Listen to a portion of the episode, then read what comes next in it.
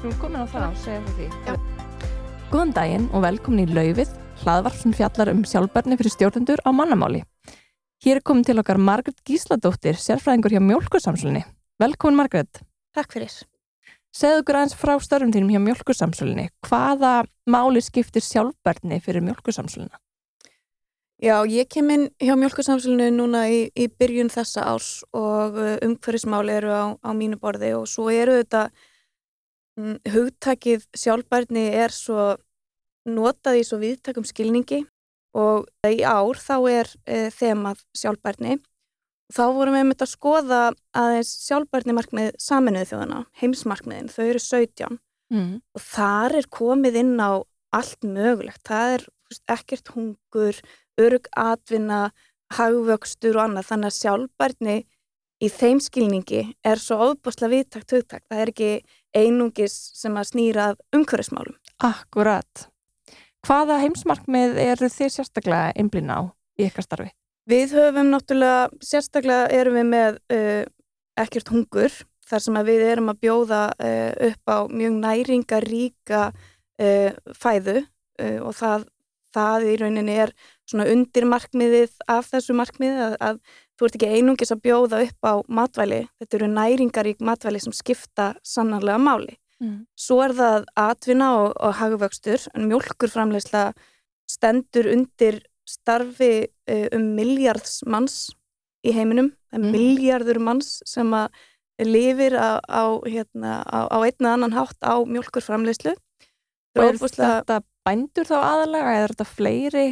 Það eru fleiri. Það eru, þetta, það eru bændurnir, mm -hmm. mjölkuframleyslar ofbáslega mikilvæg í þróunarlöndum, sérstaklega það kemur að stöðu kvenna, því að það eru konunnar sem að sjá um, um kýrnar og, og þær eru þá bæði að fá næringu fyrir uh, fjölskylduna sína mm. og geta selt umfram mjölkina, auk þess að það eru líka að selja uh, ábyrðin. Þetta er kannski eini ábyrðin sem fæst uh, víða í, í í þróunaríkjunum uh, til þess að bera á agrana þannig að þær eru þarna að koma með svona efnarslegt sjálfstæði að einhverju leiti og með næringuna. Þannig að er, uh, það er eitt stort mál. Svo, svo varðandi uh, svo erum við líka með semst, ábyrga neyslu og framleiðslu. Um, þá erum við einmitt að, að eins og hjá mjölkursamsölunni þar erum við til dæmis um, þegar kemur að matarsón þá byrjuðum við að því fyrir um árið síðan að merkja e, mjölkurferðnunar okkar sagt, góði leng, oft góði lengur Já. í staðin fyrir að vera bara með best fyrir stimpilinn og fólk kannski horfir á stimpilinn og það, tek, veist, það er hægt að treysta á líktarskinni sitt, það er hægt að treysta á sig þannig að það bara, jável hendir vörni í staðin fyrir bara að tjekka á sig og það er, það er ekkert að þessari mjölk mm. og, hérna, og nýta hana betur Gott að minnist á þetta. Þannig að við getum í rauninni bara svona treyst nefinu bara þegað af mjölkuvörni og við eigum þá að finnum leið hvort hún er góð eða ekki. Já, ég held að það eigi við um flest matvæli, sérstaklega þegar við tala um ferskvöru eins og mjölkina þá, mm -hmm. þá finnur það fljótt ef hún er ekki lægi. Ok, þannig að það er gott að minna á það bara hún er oft góð lengur, heldur en dagsningin segir til um. Algjörlega, ég var einmitt að að skoða núna nýlega hver matarsóunin er. Við erum að tala um það að þriðjungur keifts matar er hend. Hann endur í ruslinu. Er þetta á Íslandi þá? Eh, meðal annars á Íslandi, í rauninni í hennum vestræna heimi. Það er svaka stór. Já, og ef við færum þetta yfir bara í krónutölur, þá erum við að tala um að hver, hver einasti einstaklingur er að henda uh, góðum matvælum í rauninni uh, fyrir um 60.000 krónur á ári fjaramanna fjölskyldar að henda 240.000 krónum á ári í ruslið. Já, það er svolítið margar matakörfur. Það eru ansi margar matakörfur, já. En það snýst líkum spartnar. Það gerir það og það er kannski einmitt mjög góða punktur því að umhverfismál og, og mál, mál sem snerta sjálfbærni er ekki er ekki einhver mjúk mál. Þetta eru bara pjúra efnahagsmál. Mm, þetta bara snýst um krónur og öyra. Það gerir það, já. Mm -hmm. En í þessu samengi þá er þið líka að byrja að vin, fullvinna afurðunar ykkar. Getur þú sagt okkur eins frá því? Já, við byrjuðum að framleiða uh, prótenduft úr mísu sem áður fór bara til spillis. Uh, byrjuðum á því núna fyrir uh, fimm árum síðan og vonandi núna í haust náum við að hefja framleiðslu á etanóli úr, úr mjölkursikrinum og svo erum við að fara að framleiða kasein úr uh, undanrennu í staðin fyrir undanrennu duft, þetta er verðmættari vara þannig að bæði erum við að full nýta ráefnið sem eru auðvitað mun umhverfisvætna en þetta er líka miklu betra fyrir okkur að fá fullt virði uh, afurðana mm -hmm. og nýta þetta sem allra best því það eru þetta bara fjárhagslegt virði í því. Já, fullnýting skiptir öllu máli. Og hvað er, hvað er kasin? Ég hef aldrei heyrt þetta áður. Ef ég gæti sagt lúkanlega. Hvernig nýtist þetta? Já, kasin er í rauninni notað í ymsamatveru uh, uh, og reyndar uh, margt fleira. Þetta er prótín?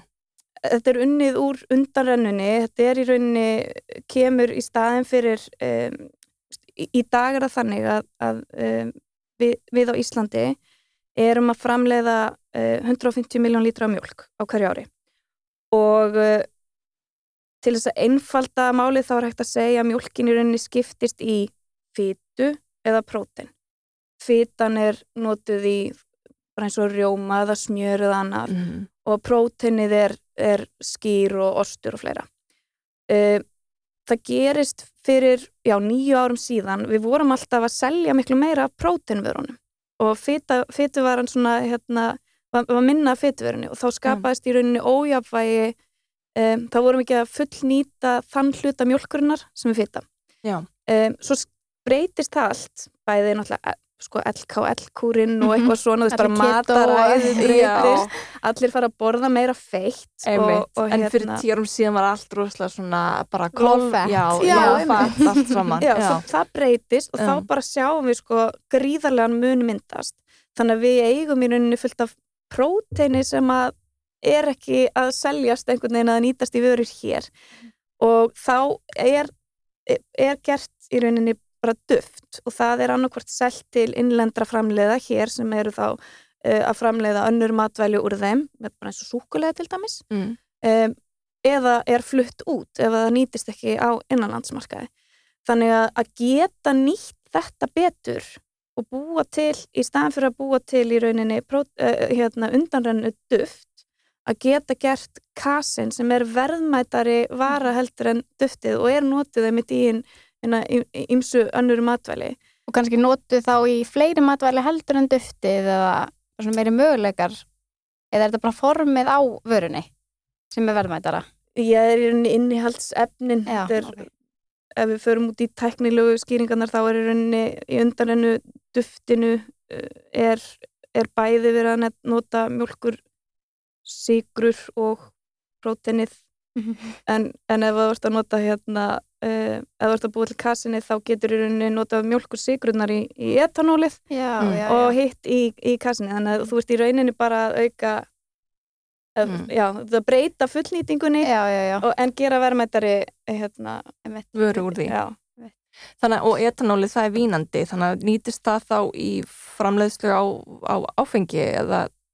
Já, það getur gert það mm. uh, en það er auðvitað líka notað bara eins og í bara í spritt Já, Þannig sem að, sem er í dag eftir, eftir, eftir COVID vantar öruglega slátt af því Já, það er frábært finnið þá, Þið finnið þá mjög mikið fyrir svona sveiblum í, í hérna frambóðu og eftirspurn eftir því hvað er kannski svona vinsælt eða gert í samfélaginu hverju sinni stundum er fólk mikið að sagast eftir prótinríkri vöru og svo stundum eftir fyturíkri og svo stundum kemur COVID og þá vantar okkur handsbritt þannig að að þetta spilur rosalega mikið við kannski bara svona sveiblur almennt í samfélaginu. Eh, hvað finnst þér? Það er alveg hárétt. Það er reyndar þannig eins og með, með þessar breytingar þar gerast yfir lengri tíma og, og það kannski sveiblast ekki mikið, veist, á milli ára. Mm. Við sjáum þetta þróast svona högt og rólega.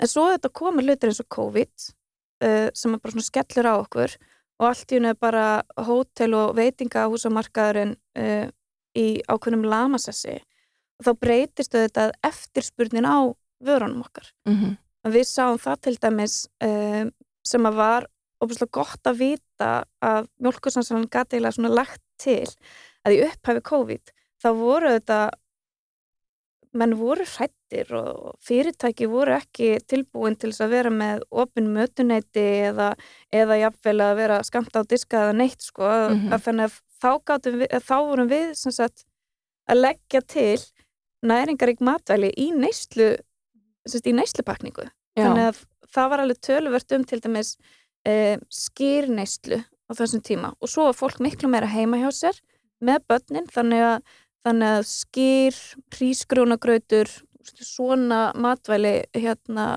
við sáum í rauninni um, smásölumarkaðin vaksa mjög á móti því sem að vara detta út með, með hótelmarkan Ég get fastlega staðfest það að hrísgrónagrautur og MS Já. er nöðsynja vara á barnaheimili Hárið. og mjög auðvilt að grípa til þegar að hérna, maður er ekkert með það á hreinu hvað á að vera í kvöldmattin og og börnin orðin svöng og öskrandi.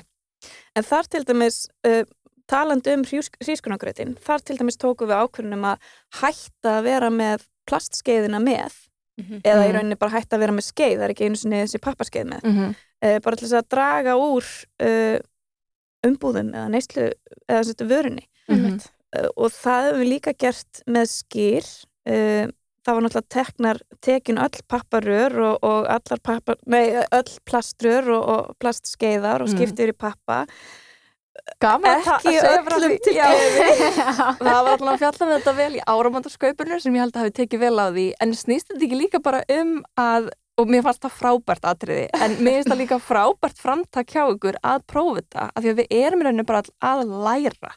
Við vitum að plastið er ekki gott, ok, þá prófum við þessar plastskeiðar, ok, það er ekki alveg kannski að virka, en við erum bara saman í þessu og við finnum, finnum út úr því, eða hvað finnst þér? Algjörlega, í reyndar kemur þetta með plastskeiðarnar og, og plaströrin, það er Európatilskipun sem er tekinum fyrr, þannig að mhm. hérna, það var, maður getur kannski ekki alveg eigna sér heiður en við bara heyrðum, nú ætlum við að vera að gera þetta, en, en hérna, að mínum að hafa allavega papparörin orðið betri með tímanum mm -hmm. eða mhm. þá maður hefur bara vanist í betur að -hmm. nota þetta en svo eru þetta líka ég meina áður var til dæmis gemjólkin. Við vorum með svona litlar gemjólkaferðnir og þær voru með rör. Já, einmitt. Bara, Er einhver að fara að drekka gemjólk með röru?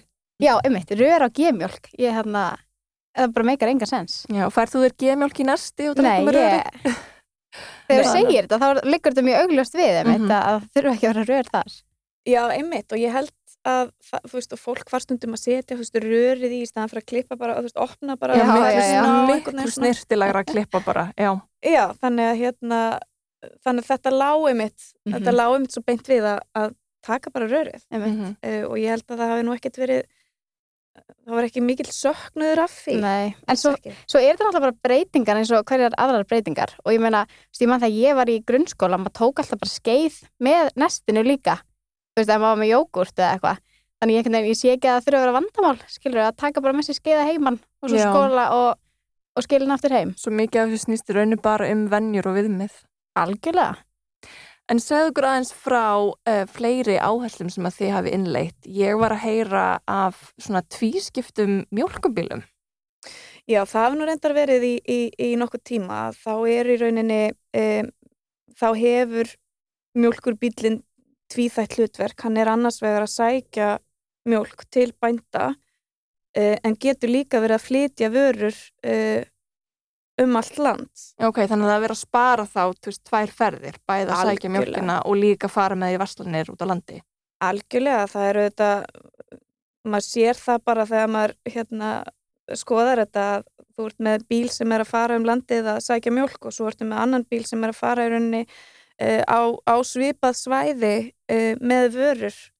Og þá í rauninni meikar það svo mikið sens mm -hmm. að, að bara samnýta ferðina. Uh, og þetta eru þetta, þetta skiptir miklu máli. Við náttúrulega förum út um allt land. Förum bara allstaðar þar sem eru, eru mjölkubú mm -hmm. þar erum við að sækja mjölk og, og hérna eða mjölkur framleysla, mjölkur bú skil nú ekki alveg Þið er rauninni, þið haldið uppi svona bara dreifikerfi fyrir mjölk á öllu landinu, e, skilst mér eða ekki? Sko það eru 520 uh, kúabændur á Íslandi í dag eða það er að segja eru 520 bæir sem er mjölkurframleysla, bændunir eru þetta, fleiri. Um, og það er allan ringin, það er á vestfjörðum, það er á austfjörðum, það er á, á hérna uh, Snæfellsnesi uh, og allstaðar bara ringin, þannig að mm. við förum út um allt Já. og það er ekki, þannig að hérna við erum, við erum þriðja stærsta flutningsfyrirtæki landsins. Já. Svo keirum við út mjölkina og við keirum mjölkina á sama verði, eða það er einu mjölkina á sama verði, alveg sama hvar þú ert á Já. landinu. Já.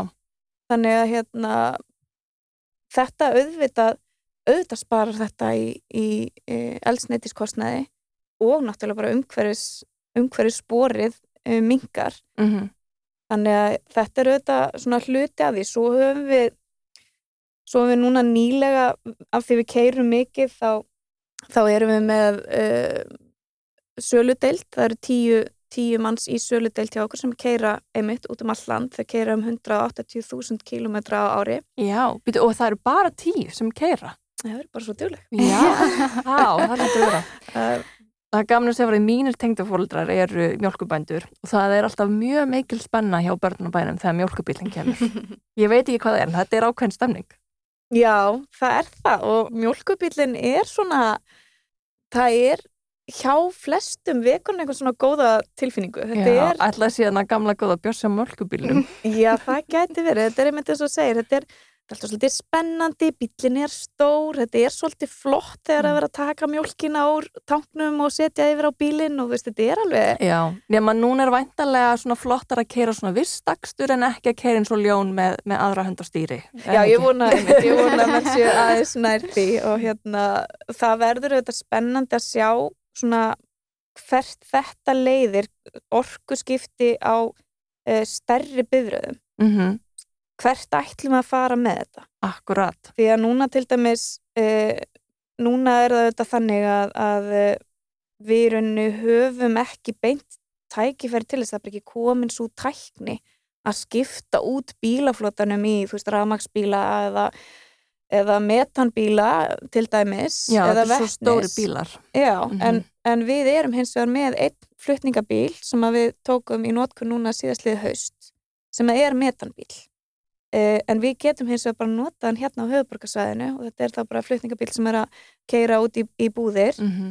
uh, og hefur reynst mjög vel.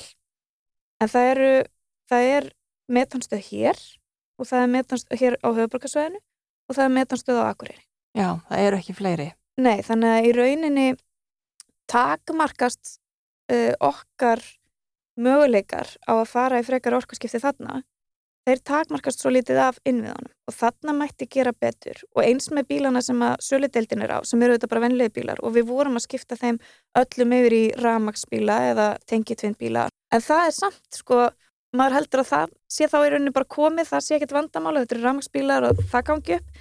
En þar vantar líka ennþá upp á innviðina. Því að Og- þeir þurfa að býða ef þú ert að fara hringin kringum landið þá er kannski það eru kannski fimm að býða eftir að fá að hlaða bílinn sin og það tekur sinn tíma að Já. hlaða hvert bíl Já, þetta verður að gangi takt. Og er það, kemur það í hlutverk stjórnvalda að setja fleiri metanstöðuvar? Ég, það er spurning bara á hvað ætlum við að einblýna Mm -hmm. ætlum við að einblýna á metan, ætlum við að einblýna á vettni ætlum við að fara í rafmagn, ætlum við að hafa þetta blandað kerfi og þetta er auðvitað eitthvað sem að ég held að atvinnulífið og stjórnveld þurfi svolítið að haldast í hendur og, og, og ræða hvað virkar og hvað virkar ekki og tíminn líður hratt það er 2030 það ekki sem að við ætlum að hætta að flytja hérna inn Jú. dísil Já. og bensínbíla og Mhm.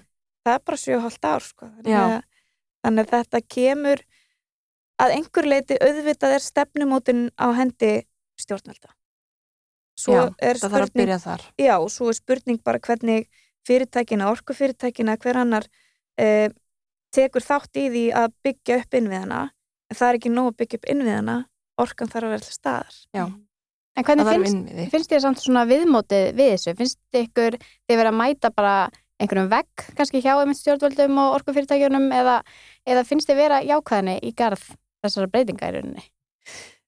ég held að sé mjög jákvæð mjög mikil jákvæðni í garð þessara breytinga. Þetta kannski meira snýst um það að, að viljin og þekkingin nei, eða sérst viljin og svona drifkrafturinn er komin fram úr þekkingunni eða tækninni. Við viljum, það vilja allir gera miklu betur. Mhm. það vilja allir gera allt sem er geta. En svo einmitt koma þessar takmarkanir. Við þurfum bara að vera þólimóð held ég. Uh, það er eitt. En við þurfum á sama tíma að vera þólimóð þá þurfum að vinna mjög fast að því Mhm. að móta stefnur. Mm Halda áfram að íta við því. já skoða hvað er í bóði hvernig er þróunin, hvað Mhm. ætlum við að gera hérlendis Já, nota þær lausnir sem eru til en halda áfram að bæta þær. já í rauninni, allavega að vera með einhverja vera með einhverja stefnu, það er frábært að, stefna orkuskiptum fyrir 2030 Mm það, því fylgir hins vegar aukin orkunotkun, aukin raforkunotkun og Mhm. það liggur bara í augum uppi. Þá er bara spurning, hvernig ætlum að tryggja eh, raforku afhendingu? Já. Hve- Hvernig verður afhendingar öryggi raforku? Það er stóra málið. Þarf að virkja meira? Eða þarf að breyta, uh, þarf að nýta betur það sem við erum með inn á kerfinu? -hmm. Ég væri að, maður hefur heyrt bæði og, og, en þetta er eitthvað sem við þurfum bara að vera vakandi fyrir, við verðum að vera opin fyrir því að, að það þarf að laga þessa hluti. Bara núna, seint á síðasta ári, þá fóru af stað skerðingar á rávorku til stórframlegenda, mm eða stórnótenda og það þýðir fyrir framleiðslu fyrirtæki, framleiðslu fyrirtæki þurfa að kveikja á olíuköllunum til þess að halda framleiðslunni við. Þannig að Og það getur ekki verið gott heldur. Það er náttúrulega bara, þá ertu bara með jarðarnælsneiti en ekki, Mhm. ekki reyna Ekki græna græna orku. rávorku. Já, Þannig að svona hlutir skipta alveg ofbúslega miklu máli. Þannig eru fyrirtækin búin að gera sitt, búin að, búin að laga sína innviði til þess að nýta rafmagnið, Mhm.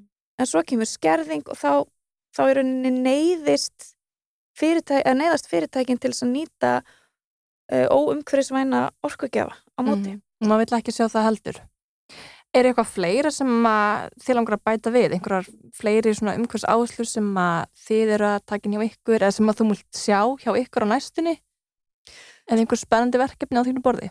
Mm, Ég myndi svona vilja nýta tækifærið og, og hvetja fólk til að flokka og, Hvetjur og flokka. og endurvinna og hérna við erum með sem sagt, okkar vörur eru og umbúðunar eru mjög umhverfisvænar, þar eru endurvinnanlegar. Mm þannig að e, bara eins og mjólkurferðnunar þetta er, er, er umhverfisvænustu mjólkurferðnur sem hægt er að fá með því að skipta úr gömlu yfir í nýjar þá minguðu kólumnisbor umbúðuna um 66% Já, og hver var helsta breytingin þar?